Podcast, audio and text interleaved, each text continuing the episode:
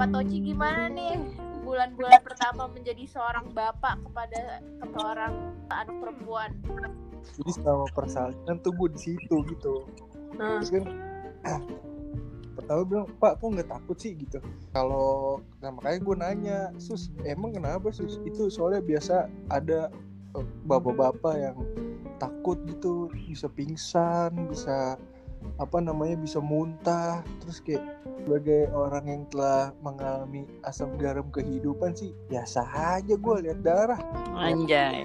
lihat ee ee gue biasa aja Sumpah lo touch gue tuh sampai sekarang gue takut ngelihat ee sumpah. Ya, gue jijik aja. itu kan ee itu kan lu bawa ke mana-mana apa pun yang lu rasain tuh dia ada jadi boker itu termasuk salah satu perasaan yang melegakan di dunia ini selain gajian sama makan terus Terus lo berarti udah setahun ya Toch di tempat baru nih semenjak lo pergi dari pintu terlarang. Belum, belum, belum. Oktober kan touch. dari 9 bulan gua baru 9 bulan ibu mengandung ini gua gue sebenarnya gimana ya kayak gue nggak tahu sih selepas selepas kita pergi tuh itu apa namanya iklim kerjanya tuh kayak gimana gitu. Kayaknya sih garing ya. Kan gue kalau gue sih ya karena gue tuh belum kerja lagi kan jadi gue nggak tahu sih perbedaannya apa gitu. Perbedaan gue sekarang gue semakin santai gitu dibanding di pintu terlarang. Karena kerjaan gue cuma guling-guling bikin kue gitu aja. Tapi lu gimana nih tiba-tiba terinspirasi menjadi seorang pedagang Gak ada karena gue kan em- lagi emang belajar bikin kue kan. Karena dari dulu gue selalu bilang kan gue pengen bisa baking, gue pengen bisa baking. Ternyata pas gue coba baking tuh ternyata kayak 80% lah berhasil tapi pasti pernah gagal juga kan. Terus gue bagiin ke temen gue terus pada suka. Terus kayak suami gue bilang lu bagiin ke orang-orang rugi anjir mending lu jual. Kayak gitu. Ya udah terus ya gue jual deh karena emang ternyata katanya enak. Gitu bang Toch udah itu sesimpel itu sih. Ya setidaknya lu melakukan hobi yang menghasilkan lah. iya betul betul betul betul, betul. kan intinya kita berbuat baik di dunia ini kan. Anjay. Emang ada bang Toch orang yang nggak berbuat baik di dunia ini nih? Ya banyak. Ada salah satunya seseorang dari Rumania Toch lu semenjak corona lu kagak pernah ngangkat beban lagi dong. Duh, gue gede banget sekarang gila dah. Lu cepet ada nggak Toch? ada lebih lagi kemarin gue nimbang anjing hampir 110 Anjir yang bener lu. iya gila dah. Di rumah mau ngapain juga ya? Gue cuman kerja ya paling olahraga olahraga doang. Tapi kan makannya gue puasa malah naik anjing sekarang gini dah kan di rumah ya di rumah kan bosen nih kerja nih kerjaan sih ada banyak. Terus udah gitu ngemil ya kan? Ngemil makan siang. Sore ngemil lagi makan makan makan maghrib tuh jam 6 ntar malam jam 8 makan lagi anjing anjing berat itu datang dan pergi. Tapi tapi ya kebanyakan datangnya daripada perginya. Ya perginya susah banget ya. nah ya kan bu bu sebenarnya kan mulai olahraga lagi nih. Ah, minggu dari, dari hari Senin. Gua gua istirahat cuman dua, dua minggu eh dua hari doang dalam seminggu. Jadi lima hari gua olahraga kan. Ah. dalam tujuan apa ya pengen mengembalikan kejayaan gue yang dulu gitu. Ah. gue barusan nih ada tukang nasi goreng gue panggil ya kan? Anjing. Kadang niat gue baik sebenarnya. Pengen membantu pelaku UMKM ya kan? Melariskan dagangannya. Tapi yang naik berat gue anjing.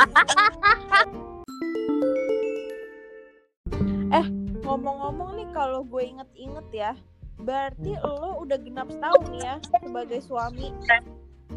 oh iya pas banget hari hari ini ya Apa perbedaannya pacaran sama nikah? Kalau lo kan udah setahun nih, Arinza masih baru kan, masih anget-angetnya nih. Lo kan udah setahun penuh. Gimana Toch? gimana ya kalau menurut gue sebenarnya hmm, kalau lu nikah kan lu sama aja kayak pacaran gitu jadi eh bedanya ya lu seharian aja udah lu melek ngeliat dia merem ngeliat dia gitu kan.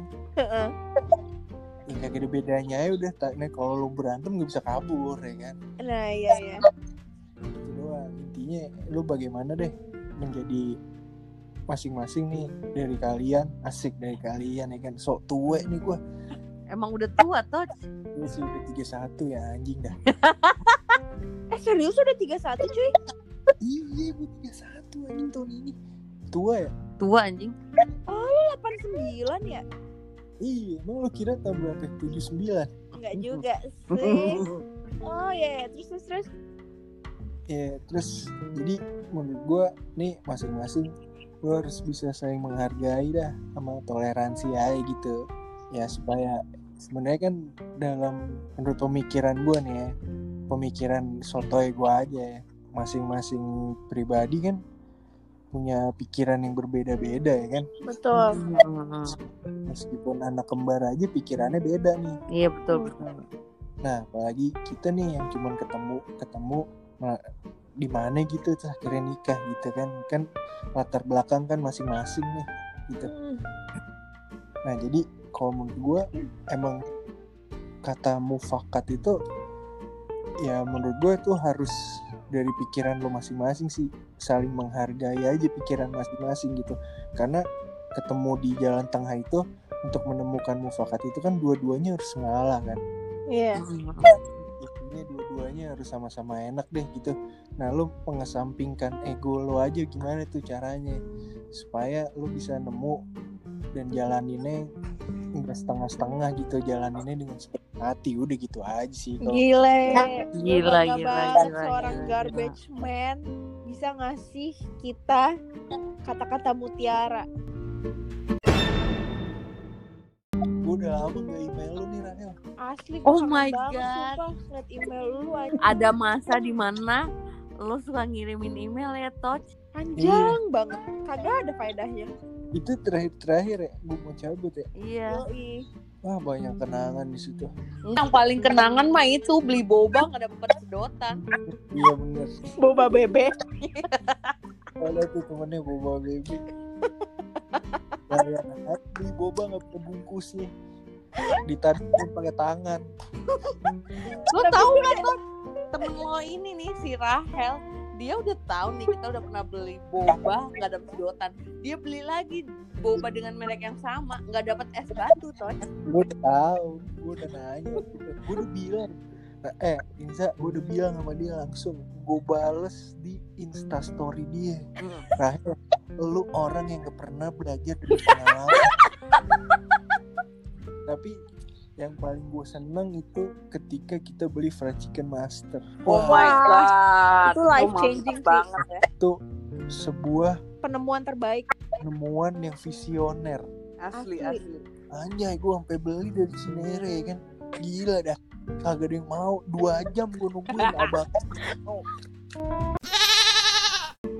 Arinza Yes. Boleh diceritakan sedikit nih usaha mencari kerja selama corona gimana Oh iya iya iya. Sebenarnya gue tuh udah tiga kali touch keterima kerja sebenarnya. di tempat yang sama Enggak hanya serem juga di tempat yang sama. Di tempat yang berbeda oh ya gimana gimana gitu. Tapi kayak ripple effect loh touch maksud gue kayak abis itu gue udah keterima terus tutup. Keterima terus nggak lama ada kabar ini itu. Kayak gitu loh. Karena gini Arinza. Jadi gimana gimana? kemarin tuh si orang perusahaan berinisial H U A W E. Yang wah soalnya dari segi gaji sih sebenarnya oke banget mbak gitu. Hmm. Dari benefit saya yang agak ngeri karena nggak ada asuransi Hmm. gitu. Ya udah gini aja. Kamu cari aja sendiri asuransinya nanti kita bayarin. Lah deh. gue yang suruh nyari. Selama gue kerja beberapa tahun ini berkali gue disuruh nyari asuransi. Tapi malah gue sekarang sering di ghosting loh sama recruiter. jadi jadi mereka juga jadi nggak jelas kan? Hmm, sekarang. Gue benci banget deh yang yang ghosting kayak gitu maksud gue kalau misalkan lo nggak tertarik lagi sama gue Iya. hilangin lah jadi gue bisa move on dengan hidup gue gitu loh asli Iya. asli itu itu sebenarnya gimana ya gue nggak tahu sih mungkin di dunia ini mereka gitu cuman di akhirat kan nggak tahu hukumannya yang gitu gimana itu suka Iya. meng- suka menggantungi menggantungkan harapan kandidat wah itu siksa neraka paling bawah itu asli sebenarnya ini per- perasaan yang sama ketika lu apply job di LinkedIn terus di view tapi nggak dikontak ya kan? Oh iya iya iya iya iya gue sering banget sih. eh Rahel lu katanya pindah ke itu kantornya? Kagak ngerti gue samping sebuah tempat berinisial T H E B R E E E Z E. Hah, tabrak? Apa Hah? sih? The Breeze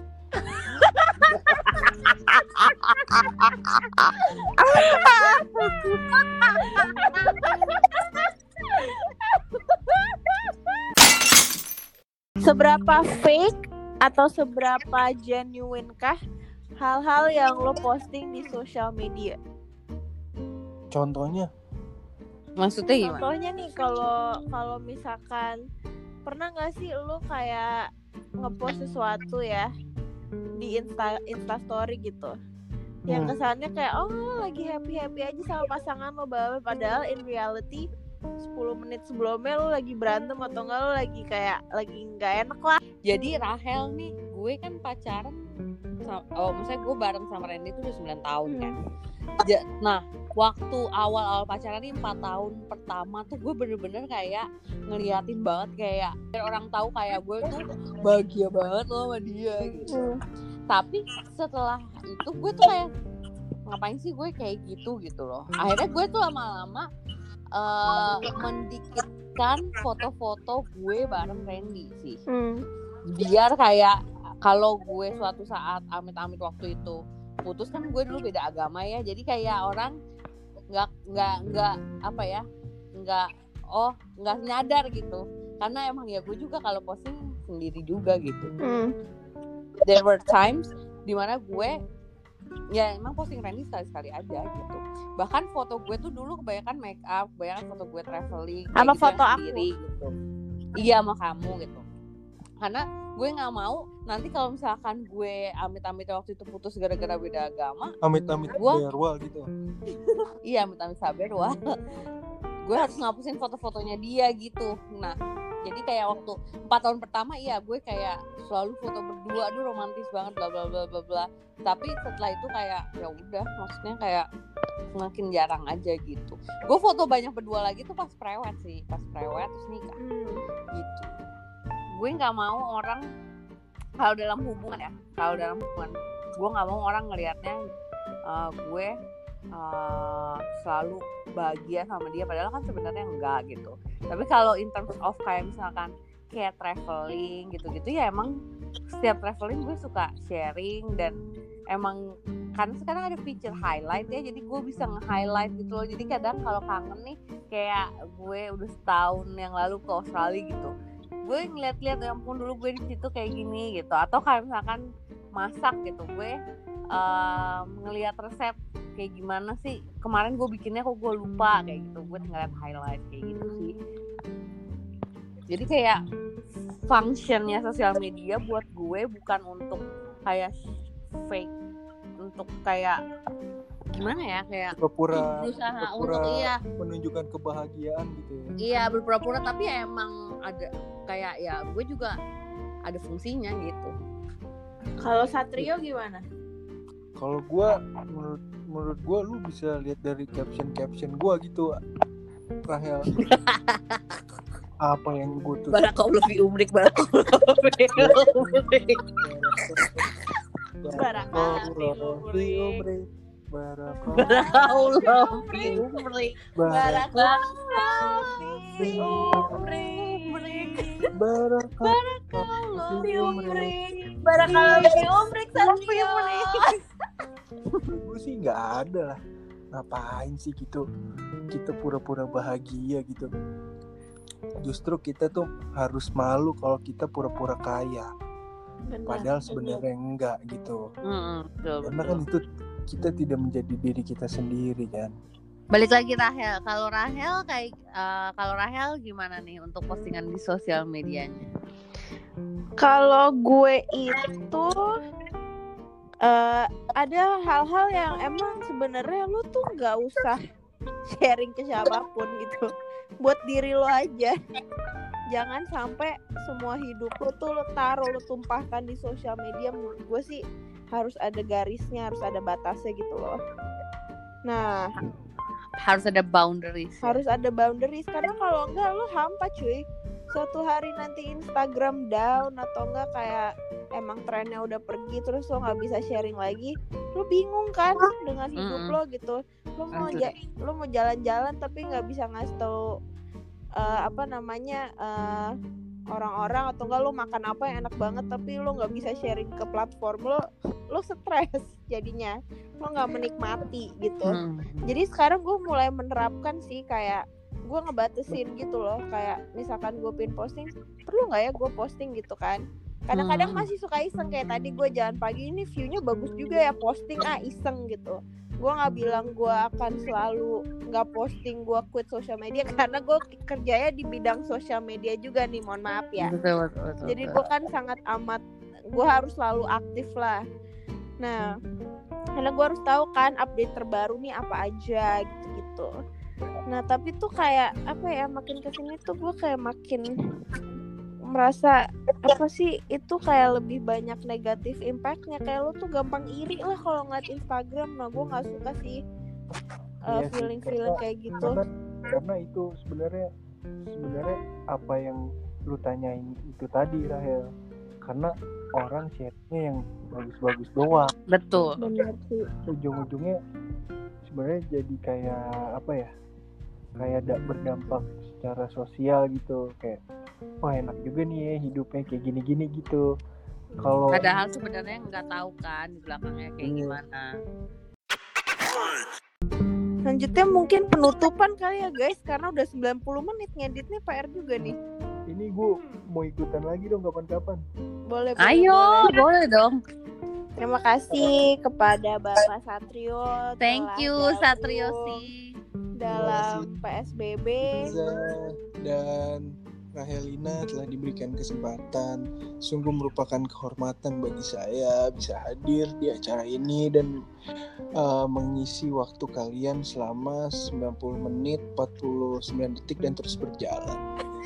Senyumanmu. Senyumanmu.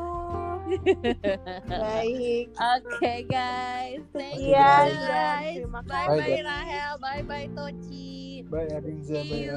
Bye. Bye.